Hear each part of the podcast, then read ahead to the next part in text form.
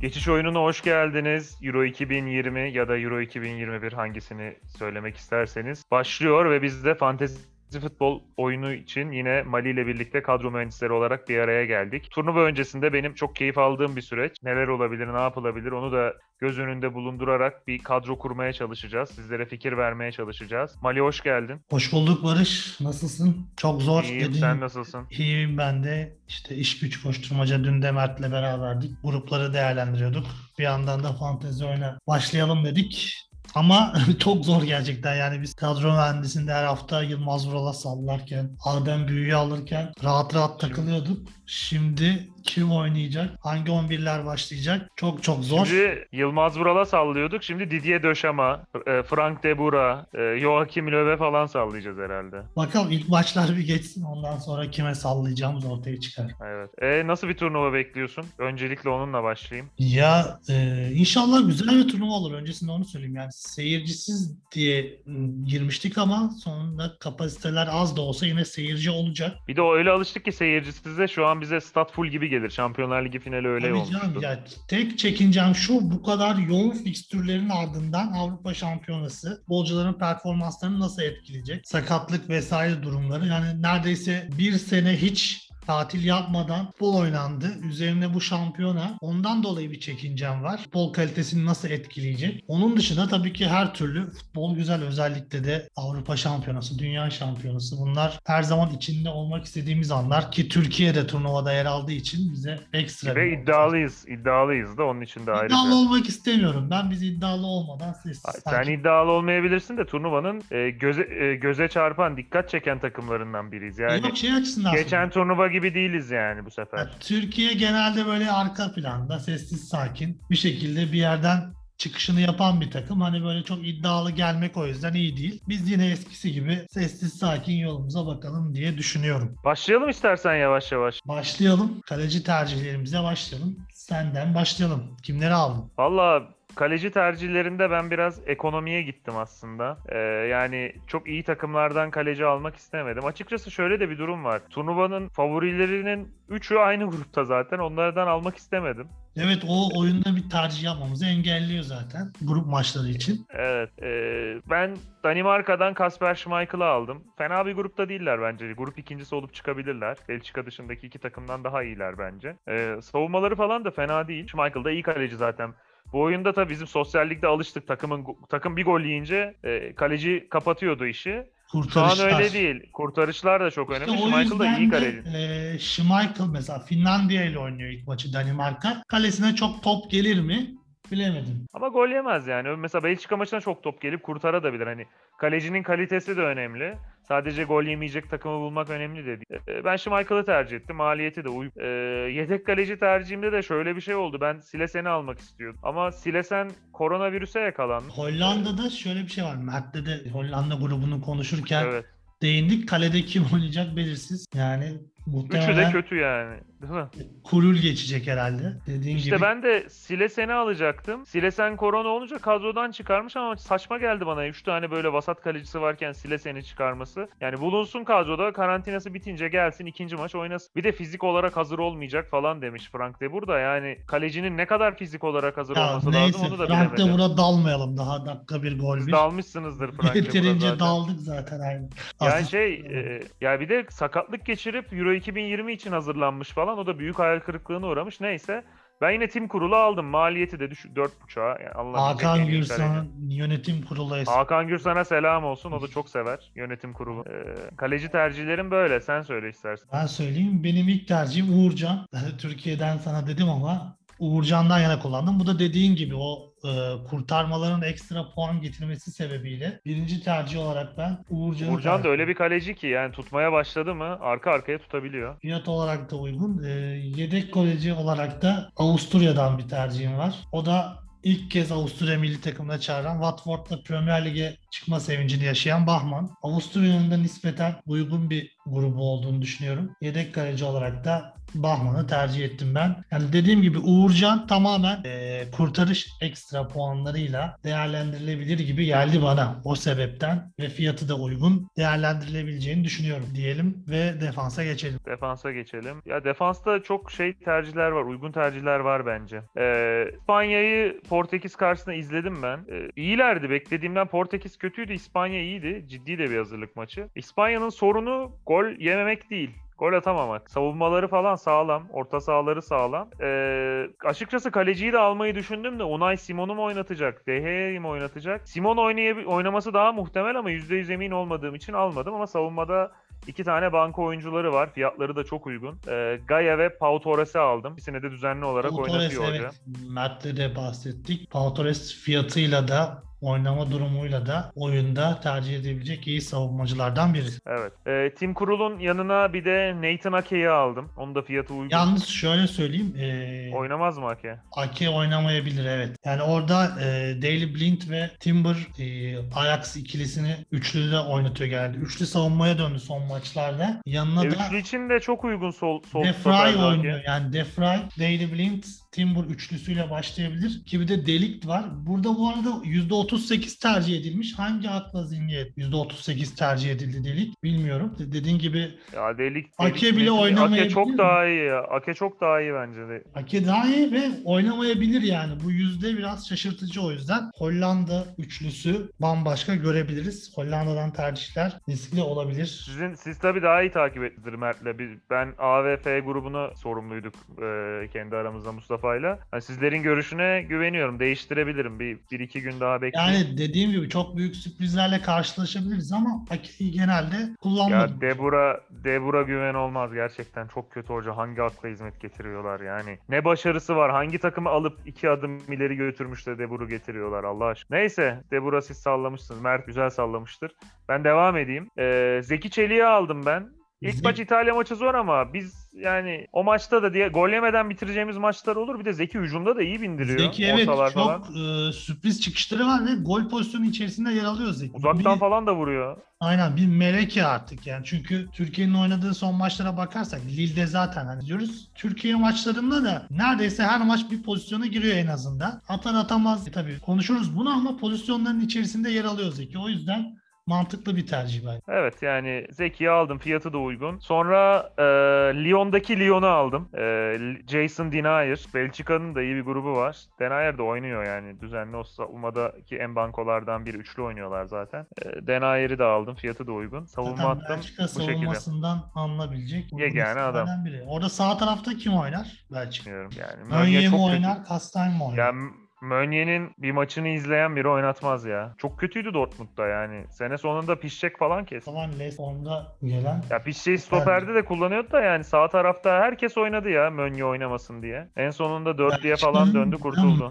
E, Mert dikkat çekti. Savunmasını biraz zaaf olarak söylemiştik zaten. Mönye'nin mi? Belçika'nın. Ha Mönye'nin yani hücumu da kötü savunması da. Eskiden hücumu iyi savunması kötüydü. Şu an ikisi de kötü öyle söyleyeyim. Bakalım. Ben geçeyim tercihlerime. E, benim ilk tercihim Ukrayna'dan olacak. Bunun sebebi de e, biraz sosyallikte bahsettiğimiz üzere hücuma yakın defanslar almaya çalışıyorduk. Bunların başında da Zinchenko geliyor bence. E, milli takımda 8 numara 10 numara pozisyonlarında görebiliyoruz. Şimdi Malinowski ile beraber orta sahada olacaklar. Değişerek de oynayabilirler. 8 Ben gözden kaçırmışım vallahi ya. Ben acaba Ake'yi çıkarıp Zinchenko'yu mu alsam? O yüzden Aklıma Zinchenko e, mantıklı bir tercih olabilir diye düşünüyorum. Orta sahada gole yakın bir isim olarak da öne çıkabilir. E, ikinci tercihim İngiltere'den olacak ama İngiltere biraz karmaşık. Yani hangi 11 ile başlayacağını bilemiyoruz. Riskli bir tercih olacak. Çünkü Bir de sol oyuncuları taraf- pahalı. Yani Pahalıdan alınabilecek ziyade İngiltere'nin grubu bence nispeten kolay. Ko- Hırvatistan dışında Sol kolay. evet. tarafta Shaw mu oynayacak, Chilwell mi oynayacak bilemedim. Sağda da gerçi James ya da Walker oynayabilir ama Walker stoper de görev yapabiliyor. O yüzden ben tercihimi Walker'dan yana kullandım. Ee, ikinci- şöyle oynar. Sağ stoperde Kyle Walker oynar. E, sağ kan- ka- çizgide de muhtemelen Trent Alexander-Arnold oynar hit olursa. Trent Alexander-Arnold sakat kadrodan çıkarıldı yanlış bilmiyorsam. En, yani kadrodan çıkarılacak diyordu. Açıklanan kadroda vardı. Sonradan değişti mi? Haberim yok benim. Son hazırlık maçında sakatlandıktan sonra e, olmayacak büyük ihtimalle. O yüzden e, Anladım, Arnold tamam. yok. O zaman Trippier oynayabilir.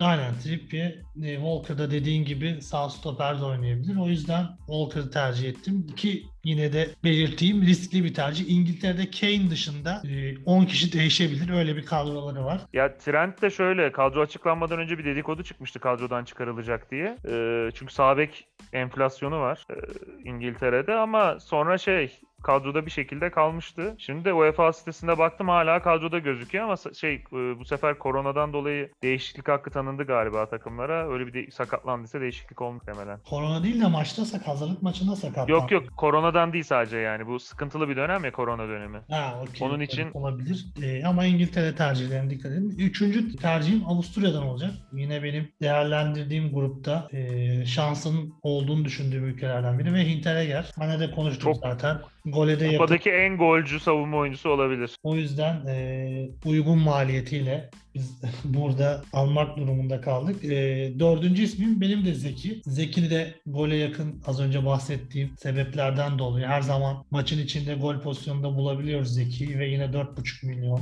uygun bir isim. E, yedek tercihim de Polonya'dan olacak. Premier Lig takip edenlerin yakinen bildiği bir isim. Bednarek yedek savunmacı tercihim. Polonya'nın da e, İspanya'nın bulunduğu grupta şansın olabileceğini düşünüyorum ki ayrıca ilk maçları Slovakya ile Slovakya'da e, Avusturya karşısında izledim. Sadece durdurmaya yönelik bir oyun sergilediler. Çok hücumu düşünen bir tarzları yoktu. Polonya karşısında da benzer şekilde sahaya çıkacaklarını düşünüyorum. Bu yüzden Polonya'nın clean sheet yapma ihtimali yüksek gördüm. Bednarek'i de bu sebepten dolayı yedek tercih olarak aldım. Ben beğenmiyorum Polonya'yı. Yani çok onun için girmedim. Lewandowski gibi bir süper yıldız var ama yani onlar bir şekilde olmuyor her seferin. Orta sahaya geçelim istersen. Orta saha çok sıkıntılı oyunda ya. Herkesi forvet yapmıştı. Ee, İşte ben zaten savunmadan, kaleden arttırdıklarımı biraz orta sahada forvette kullanmaya çalıştım. Ee, öncelikle şey, klasik tercihlerimle başlayayım. Kevin De Bruyne'yi aldım. Paraya Zaten kıydım. mecburen sığınılacak liman yani. Dediğimiz Evet. çok fazla isim ama bütün kanatları forvet yapmışlar. En azından bir iki tanesini koysalardı tercih ederdik ama yok. O yüzden sıkıntılı olmuş oyun. Evet. ee, onun dışında şimdi İtalya'da programda da konuştuk Mustafa'yla. Sağ kanatta kimin oynayacağı belli değil. Chiesa mı oynayacak, Berardi mi oynayacak? Ee, ben Chiesa'yı kattım kadroma. Ama e, şanslıyız. Türkiye maçından önce görebileceğiz İtalya'nın kadrosunu. E, orada görebiliriz. Berardi'yi bekliyorum ben ama şimdilik Chiesa'yı aldım. Hangisi 11'de başlarsa geçebilirim. Aslında Insigne'yi almak istiyordum ama param yetmiyor. Yani diğer kadromu birazdan açıkladığımda da görürsünüz. Paraya kıydığım oyunculara da e, çıkarmak istemedim. Onun için Chiesa ile yetmedense. Ondan sonra Lille'deki Türklerden devam ediyorum. Yusuf Yazıcı'yı aldım. Onun da fiyatı uygun. Bir de Türkiye'de bayağı ikinci forvet gibi oynuyor. Yani Kenan Karaman'dan daha gole yakın. Ee, onun için Yusuf Yazıcı'yı da aldım. Fiyatı... Ya ilk maç belki çok katkı sağlayamaz Zeki ama sonraki maçlarda mutlaka bir şeyler olabilir. Denemeye değer. Ee, diğer tercihlerim de benim Avusturya'dan. Ee, çok beğendiğim, çok yetenekli bir genç oyuncu. Bundesliga'nın da en parlak genç oyuncularından biri. Christoph Baumgartner. Fiyatı da uygun 7. Ee, gole de yakın bir oyuncu, yetenekli bir oyuncu. Düzenli oynuyor milli takımında da. Ben Baumgartner'i de aldım onun için. Ben diğer tarafta oynayan Lazaro'yu tercih ettim. Şimdiden söylemiş olayım. Ya Baumgartner bir de çok az seçilmiş yani. Ben öneriyorum iyi bir fark yaratabilirsiniz. Onun dışında da Alaba stopere kadar yani sol bekten stopere ge- geçti. Artık bir stoper oldu ama Avusturya milli takımında onun becerisine ihtiyaç duyuluyor. Tamamen Hep oyun böyleydi. kurucu rolüne soyuyor. Evet, oyun kurucu oynuyor, sol iç oynuyor, duran topları kullanıyor ve Avusturya'daki en ucuz orta saha oyuncusu. Takımın yıldızı. Penaltı olsa atacak, free kick olsa atacak. E Avusturya'nın grubu da iyi yani şimdi. Alabayı da mı tercih? Hollanda dışında en şey güçlü takım olduğunu söyleyebilirim Avusturya'nın. Onun için Alaba'yı da aldım. Bence Ee, yani orta sahan Avusturya için şöyle söyleyebilirim. Ee, Avusturya biraz kabız bir takım. Yani hele hele önde Kaladzic oynayacaksa Makedonya maçında çok zorlanırlar. Kaladzic çok statik oynadı. Arnautovic ama Kalajdzic ama o takımın ihtiyaç duyduğu tip santifor olabilir. ama Arnautovic girdikten sonra özellikle son bu ma- Slovakya maçında çok çok daha fazla fark yarattı. Ya çünkü aralara girdi, aldı, verdi, işte dribbling doğru yaptı, da- çalım attı. Doğru da şeyde mantıklı yani. bir kullanım. Arnavutovic'in Çin'deki son halini bilmiyorum ama yani 90 dakikayı o şekilde etkili bir şekilde oynaması kolay değil. Kalajdzic savunmayı yıpratan bir forvet. Belki çok becerikli değildir. Ama e, Kalajdzic ile başlayıp 60'ta Arnavutovic'e atmak çok mantıklı hamle. Hoca da onu deniyordu. E, yani onun için bence saçma bir tercih değil. Ama Hatta Alaba oyunda önermiyorum ikisini. Baumgartner bence ikisi birden risk diye düşünüyorum. Neyse devam edelim. Sen say orta sahanı. Benim orta saha sana söyledim ama ben kimleri alacağımı bilemedim. Ee, birazcık o yüzden Belçika'ya yamanmak istediğim iki ismim var. Ee, ilk isim yine Kevin De Bruyne. Bu arada şunu söylemek istiyorum.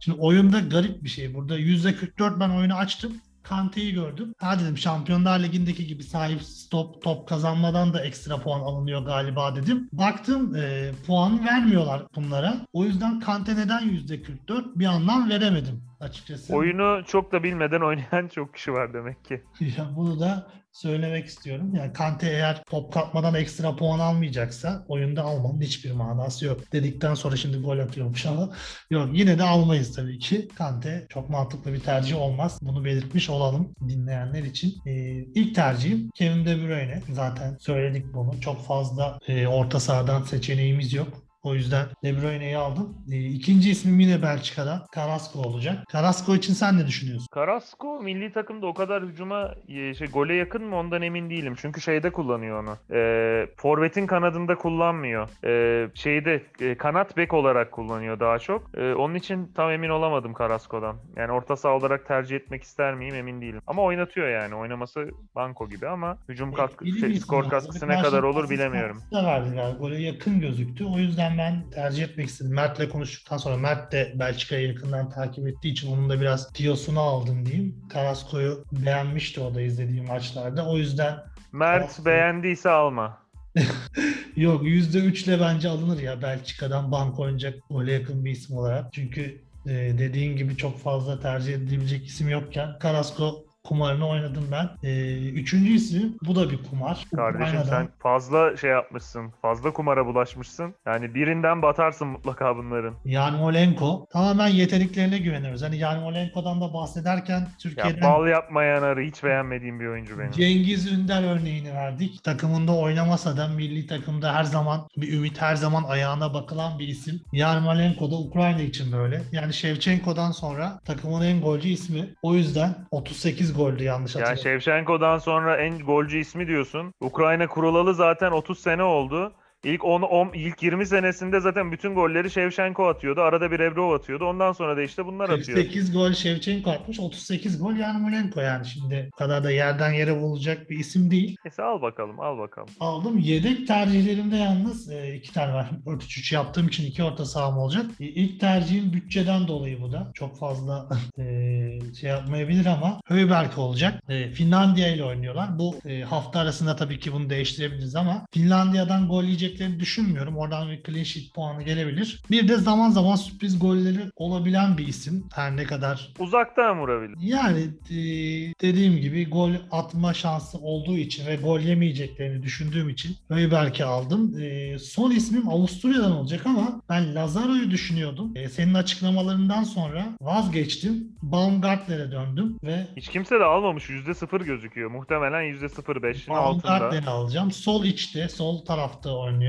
Hoca. Bu arada bütçesi olanlara Sabitzer'i de öneririm yani. Ya Sabitzer'de sahte 9 gibi oynuyorlar. Orada Grealish de öne gidiyor. Biraz değişik aslında. Alaba da çok e, değişerek oynuyor. Yani ön taraf çok hareketli Avusturya'nın. Sürpriz goller görebiliriz Avusturya'dan. Hiç beklenmeyen isimlerden o yüzden. Grup da müsait. iyi kura çek. Diyelim ve artık herkesin aşağı yukarı aynı isimleri aldığını düşündüğüm forvet hattına geçelim. Geçelim. Tatava yapmadım. Harry Kane'i aldım. Romelu Lukaku'yu aldım. Ve Kral Burak Yılmaz'ı aldım. Onu da bir- biraz fiyatı uygun. Ve bizim takımda gole en yakın kişi o yani. At- çok fazla gol atmıyoruz ama atınca Burak atıyor hep. Ee, on, yani şimdi de Tatava yapmadan hızlıca saydım. Çok üzerine konuşacak bir şey yok. Riske girmedim.